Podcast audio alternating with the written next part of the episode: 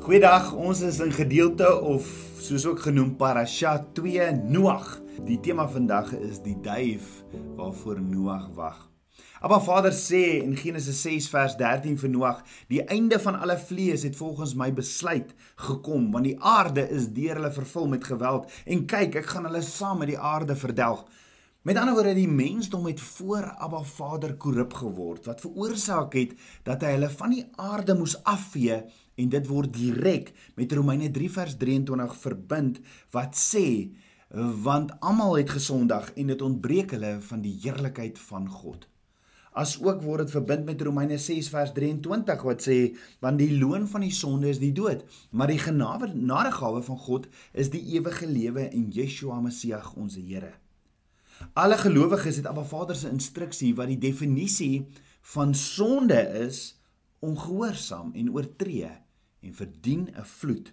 Want 1 Johannes 3 vers 4 sê en elkeen wat die sonde doen, doen ook die wetteloosheid want die sonde is wetteloosheid. Almal verdien die vloed. Maar soos daar 'n ark was wat Noag en sy familie gered het, so is daar ook vandag 'n ark wat my en jou red van die komende oordeel en dis die reddingsark van Yeshua ons Messias. Met ander woorde op 'n vreemde manier het die waters wat vernietiging ont vir onnietiging ontwerp is eintlik ook mos maar nuwe lewe gebring vir die wat Abba Vader gehoorsaam. Dit is wat Paulus in 2 Korintiërs 3 vers 5 tot 6 sê as hy sê nie dat ons uit onsself bekwam is om om iets as uit onsself te bedink nie, maar ons bekwaamheid is uit God wat ons ook bekwam gemaak het as dienaars van 'n Nuwe Testament, nie van die letter nie, maar van die Gees, want die letter maak dood, maar die Gees maak lewend. Die Gees is die reddingsark wat tot hulp gekom het in die vorm van Yeshua ons groot Messias. As iemand in die Messias se reddingsark aangetref word, is die effek van die water dat ons tot 'n hoër toestand verhef word. As iemand nie in die ark van Messias gevind word nie, sal die water self die finale oordeel vir die individu wees. En dit is waarom Petrus die vloed van Noag met die doop vergelyk. Petrus sê in 1 Petrus 3 vers 18 tot 21, want Yeshua het ook eenmaal vir die sondes gelei. Hy die regverdige vir die onregverdiges om ons tot God te bring. Hy het wel gedood hy, hy wat wel gedood is na die vlees maar lewend gemaak deur die gees en wie hy ook heen gegaan het en gepreek het vir die geeste in die gevangenis wat eertyds ongehoorsaam was toe die lankmoedigheid van God eenmal gewag het in die dae van Noag onderwyl die ark gereed gemaak is waarin weinig dit is 8 siele deur water heen gered is waarvan die teenbeeld die doop ons nou ook red. Nie as 'n aflegging van die vuilheid van die vlees nie maar as 'n bede tot God om 'n goeie gewete deur opstanding van Yeshua. Nou in Hebreëus word doop mikvah genoem dit was 'n groot bedagtige 'n uh, uh, reservoir met trappe in en trappe uit 'n persoon het in die water ingegaan homself heeltemal onderdompel en aan die ander kant uitgestap.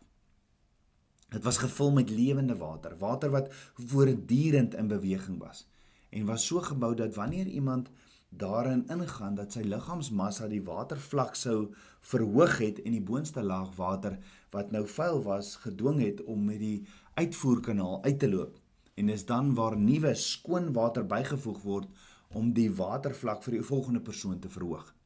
Hierdie konsep om deur water te gaan om om om ehm uh, gevul te word met die Gees om dood te gaan aan die aan jouself en gered te word om gevul te word met die Gees kom al van Genesis 1 af want Abba Vader het gesê dat die aarde uit die water voortkom en dat daar twee waters was die water onder die uitspansel en die waters daarbo dit kan jy lees in Genesis 1 vers 6 tot 7. En op dieselfde manier is daar waters van die aarde en is daar waters van die hemel. Ek en jy moet weergebore word deur die waters van die hemel wat die doopwater op aarde voorstel. Maar Vader het selfs die hele prentjie in die geboorte van 'n kind ingebou. 'n Baba word in water gebore totdat die moeder se water breek en die kind daardeur gaan kan dit die aardse of natuurlike koninkryk nie sien nie. Net so as iemand nie toelaat dat die water van die woord hom binnendring, reinig en gedoop word nie, kan hy nie in die koninkryk van die hemele ingaan nie. Na Abba Vader sy kinders gered het uit Egipte, deur die bloed van die lam is hulle deur 'n mikwa, die Rietsee. Hulle is deur die doop van die Rietsee um en net tot wedergeboorte gekom. Net so in die geval met Noag en sy familie. Die mense van Noag se tyd het gesterf aan die vleeslike, hulle het gesterf en Noag en sy gesin is deur het, het die nuwe lewe gekry ehm um, wat wat want hulle was eh, vasgehou in hierdie ark. Net so het Farao se leer gesterf vir hulle boosheid en Moses en sy groot familie, die kinders van Israel gered uh deur die water. Hulle is hulle hulle dood gegaan in die Egipte en daar's 'n nuwe lewe wat begin het. Toe albei gesinne, Noag en Moses se gesinne op droë grond terugkom, is hulle vyande vernietig en 'n nuwe lewe het ontstaan. En in beide gevalle het hulle beproewings verander in bevordering.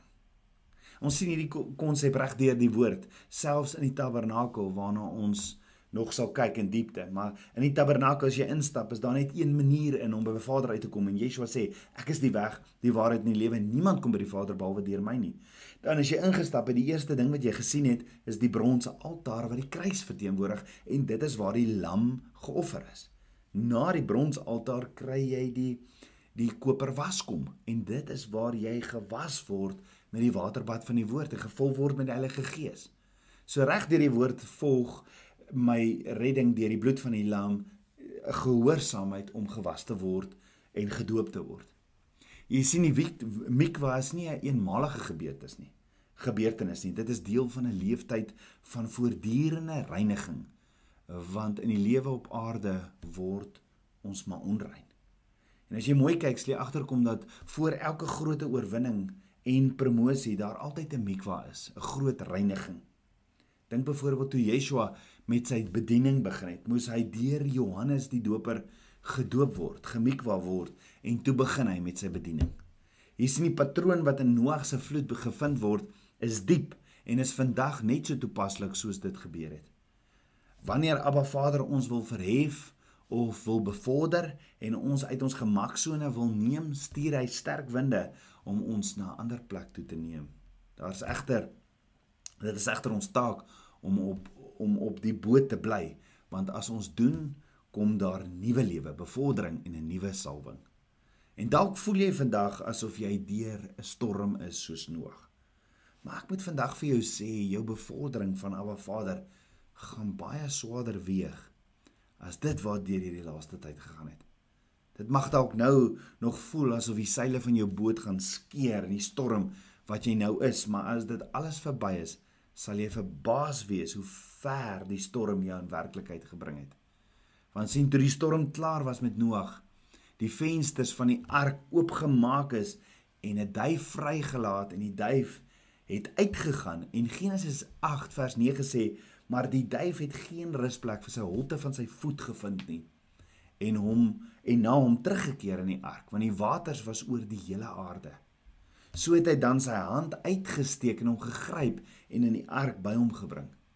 Ja Noag het sy hand uitgesteek en die duif gegryp en en hom ingebring. Met ander woorde Noag het geleer hoe om Ruach HaKodesh die Heilige Gees tuis en welkom te laat voel. Net so praat die woord van toe Yeshua gedoop is deur Johannes uh, die doper in die Jordaanrivier want Johannes getuig en sê in Johannes 1 vers 32 ek het die gees soos 'n duif uit die hemel sien neerdal en hy het op my gebly. Maar dan staan daar in Genesis 8 vers 10 tot 11 daarna het hy weer 7 dae gewag. Toe stuur hy die duif weer uit die ark en die duif het teen die aand na hom gekom en daar was 'n groot olyfblad in sy bek. Toe merk Noag dat die waters oor die aarde vermeerder het. So toe die duif nou teruggekom het, het die duif 'n olyftakkie in sy mond gehad. Olyftakkie verteenwoordig Abba Vader se anointing, Abba Vader se salwing. Met ander woorde, as Ruach, die Heilige Gees na jou toe kom waar hy welkom en tuis is, dan kom daar ook 'n salwing. Ja, Ruach bring die anointing in sy mond En soos wat die duif die olyftakkie in sy mond gebring het, was dit ook vir Noag 'n bewys van 'n nuwe wêreld, 'n nuwe lewe wat op pad is. Dit was 'n bewys van bevordering wat nog gaan kom. Jy sien, die olyftakkie verteenwoordig 'n nuwe lewe en die ou lewe is verby. Dis wanneer ek deur die bloed van die lam Heilige Gees lei my om gedoop te word en dan ook daardie nuwe anointing, daardie salwing te ontdek wat Abba Vader nog altyd vir my het. Die olyftakkie was 'n verdere bewys vir Noag dat die storm verby is. En daar's iets nuuts, 'n nuwe droom vir hom daar buite. Hoor gou-gou. Ruach HaKodesh, die Heilige Gees wil vandag vir jou kom sê, kind, kind van Yahweh Elohim, slawerny is verby. Hier is 'n nuwe salwing en daar is vir jou 'n nuwe lewe daar buite. Jy sien as Ruach HaKodesh welkom is in ons dat dan maak dit nie saak deur watter storm jy gaan in die lewe nie, want Ruach bring vrede, bevordering en 'n nuwe salwing in die middel van die storm. Jy sien Ruach bring soos die duif 'n nuwe lewe. Ruach bring salwing jy sien salwing, anointing kom deur Ruach en dis die salwing wat die juk breek. Die juk breek alles as gevolg van Abba Vader se teenwoordigheid wat die salwing is. Dis nie ons wat gesalf is omdat ons met olie gesmeer is nie. Nee, jy is gesalf omdat jy sy teenwoordigheid dra en sy teenwoordigheid bring die salwing wat dan ook genees. Yeshua sê in Johannes 8 vers 12: Ek is die lig van die wêreld wie my volg sal sekerlik nie in die duisternis wandel nie, maar sal die lig van die lewe hê. Dan sê Yeshua verder in Matteus 5 vers 14: Julle is die lig van die wêreld. 'n Stad wat bo op 'n berg lê, kan nie weggesteek word nie. En is dit nie presies dieselfde as wat Johannes sê nie? In in 1 Johannes 4 vers 4: Groter is hy wat in julle is as hy wat in die wêreld is. En hierdie gebeur alles wanneer ek en jy tot wedergeboorte kom en gevul is met roog, met die Gees, Abba Vader se teenwoordigheid. Paulus sê dis wanneer my en Abba Vader se Gees dan een word. So ek word gevul met die Gees van Abba Vader, dan word ek en jy 'n wessel wat sy teenwoordigheid dra en as ons dan bid, laat ons van Abba Vader se waarheid vry in sy woord wat ons vrymaak, wat die juk breek en wat dan glorie vir hom bring. Dit het dan niks met ons te doen nie. Ons is net die wessels. Ons is net die instrumente. Yeshua is die lig van die wêreld en as hy sy gees in ons is, dan is ons die wessels wat sy lig skyn. So kom, laat ons ons lig skyn. Kom, mag as Vader Heilige Gees jou lei om gedoop te word, moenie keer nie. Wees hom gehoorsaam. Kom ons bid saam. Ons almagtige Vader, skepper van my hart, Abba, dankie vir u woord. Ek loof en ek prys u. Vader, dankie vir die water van bevordering. Dankie, dankie dat U ons so liefhet dat U U enige gebore seun gegee het, U reddingsark, sodat ek wat in Hom glo nie verlore mag gaan nie, maar die ewige lewe kan hê. Vader, ek bid vir U salwing om 'n instrument in U hande te wees. Kom doop my, kom was my met die waterbad en vul my met U Gees alles vir u glorie, meer en meer van u, Papa God. Ek bid dit alles in Yeshua Messie se naam, die seun van Jahweh. Amen. Shalom. Goeiedag Tabernakelskind van Abba. As jy weekliks hierdie preke wil ontvang, gaan volg ons Facebookblad en ons YouTube kanaal en jy sal dit weekliks kry. Mag jy 'n Shalom dag hê. Shalom.